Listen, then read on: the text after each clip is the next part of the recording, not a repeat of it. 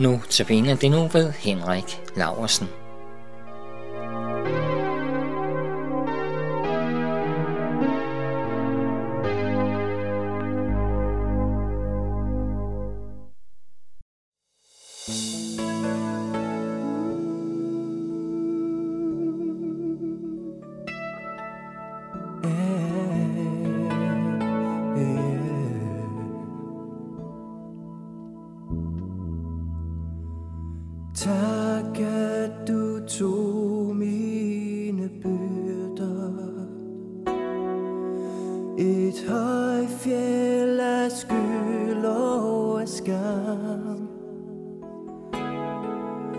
Du bar det jo på dine skuldre.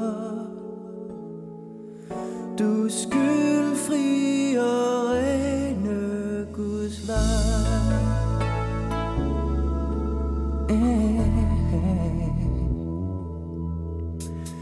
Tak at du bar mine synder.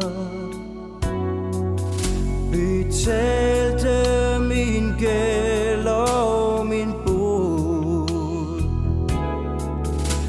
Hvor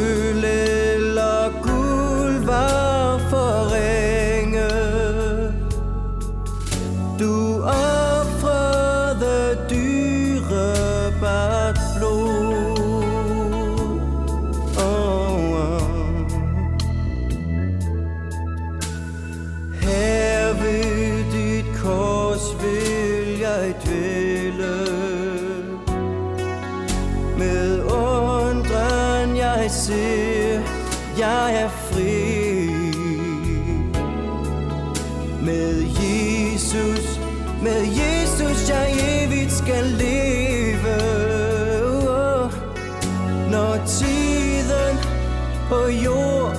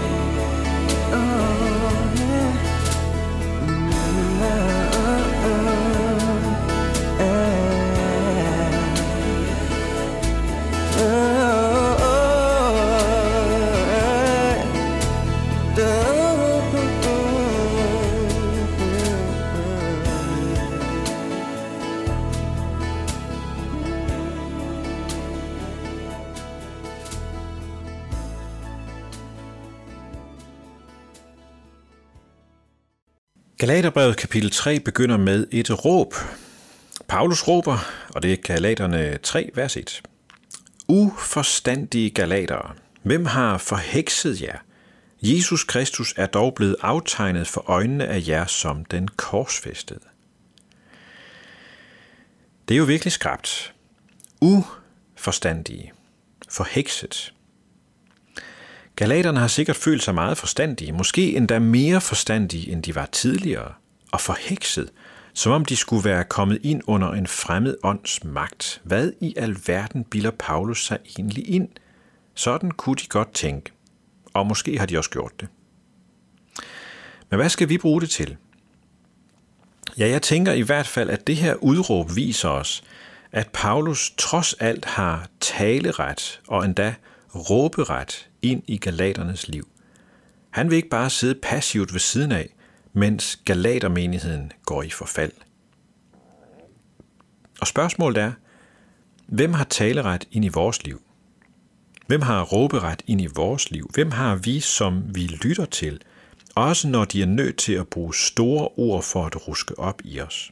Hvem har vi? Jeg har mange gange, både hvor jeg er præst og andre steder, på det varmeste opfordret alle kristne til at have mennesker ved deres side, som har taleret ind i deres liv. Og ikke bare sådan, at man jo har nogle gode venner eller en god familie, for vi ved jo godt, at det ikke er det samme som, at nogen spørger ind til de vigtigste ting. Nej, vi har brug for nogen, som vi giver tilladelse til at tale og spørge, og om nødvendigt råbe ind i vores liv. Vi kan kalde det en skriftefar, eller skriftemor, eller en sjælesørger, eller en mentor, eller en medvandrer, eller hvad vi vil. Det er ikke afgørende. Det afgørende er, at det er et menneske eller en gruppe, som har adgang til os, og som tør bruge den adgang. Jeg er bange for, at alt for mange kristne er faldet fra troen på Jesus, fordi de gik med noget i deres liv, som ingen andre kendte til. Synd, som de ikke ville eller kunne gøre op med, udfordringer og kampe, tvivl og anfægtelse. Og kære venner, vi er for sårbare alene. Vi skal høre sammen med nogen, nogen som om nødvendigt kan råbe til os og bryde forhekselsen over os, og der findes flere måder at gøre det på, men det afgørende er ikke hvordan, men at det sker. Og det er den ene ting, jeg i dag vil trække frem fra Galaterbrevet kapitel 3. Den anden ting er en meget stærk formulering, som vi finder i vers 13. Paulus skriver sådan her. Kristus har løskøbt os fra lovens forbandelse ved selv at blive en forbandelse for vores skyld. Kristus har løskøbt os, altså betalt en pris for at befri os. Han har løskøbt os fra lovens forbandelse, altså fra døden og dommen og straffen over enhver, som ikke overholder lovens bud helt ned i mindste detalje. Og det har han gjort ved, skriver Paulus, selv at blive en forbandelse for vores skyld. Det er en overraskende formulering. Vi ville have regnet med en formulering om, at Jesus tog vores forbandelse på sig, og det er jo sandt nok. Men her strammes formuleringen så hårdt, så Jesus siges at blive en forbandelse. Han smelter sammen med forbandelsen. Han bliver et med forbandelsen. Han holder den ikke sådan lidt på afstand, når Jesus bliver selve forbandelsen. Når Gud ser Jesus på korset, på træet, så ser han ikke bare en stoisk held, nej, så ser han en forbandet. Ja, så ser han forbandet søn, selve den personificerede forbandelse. Og slam, så rammer Guds vredes lyn, og Jesus dør. Og med ham dør forbandelsen, vores forbandelse. Og hvad hører vi så her mellem linjerne? Jo, vi hører øh, en smuk og stærk visken til alle os, som undrende ser Jesu dramatiske død på korset. Og den visken kunne lyde sådan her. Hvis Jesus ikke bare fik forbandelsen klistret på sig, hvis Jesus ikke bare tog forbandelsen på sig, hvis Jesus virkelig blev forbandelsen, hvad siger det så om dig? Om dig, som tror på ham?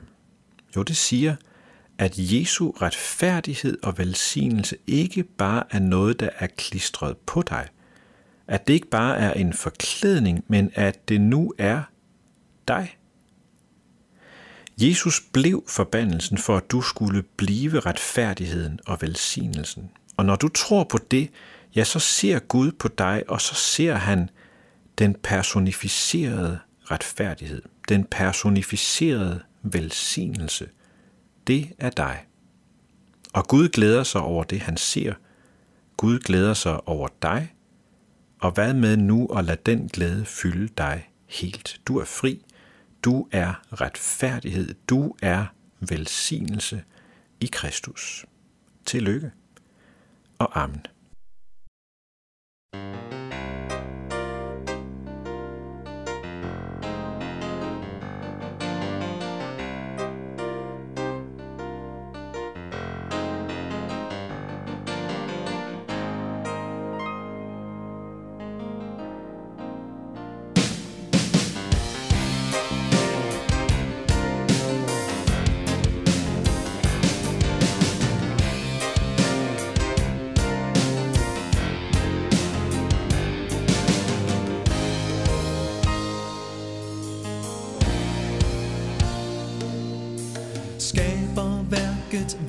Fuldbragt, men livet det blev ødelagt. En slange kom ind i verden, bedrog os bort fra Gud. Han måtte jage mennesket af paradiset ud. Og synden den var byrdefuld, og værdigheden stødt om kul.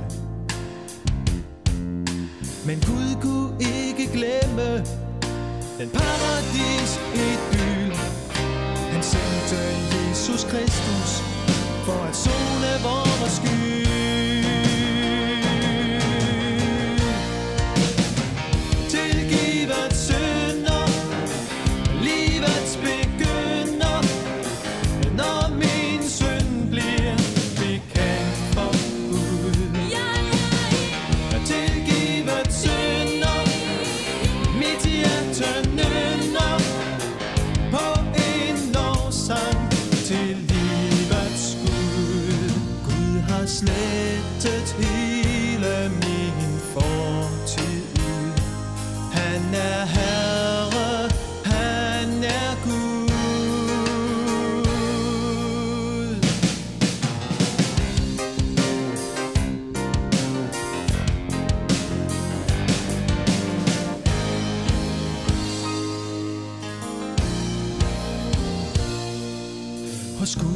Kærligheden størst Hos mig den slukker livets tørst.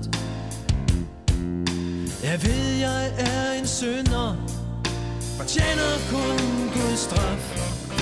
Men Gud indføjer i sin lov En nådens paragraf. Og Jesus Kristus tog min skyld. Han gav til mig mit livs asyl. Jeg for min Gud bekender En synder min fortræd Der giver han et evigt liv.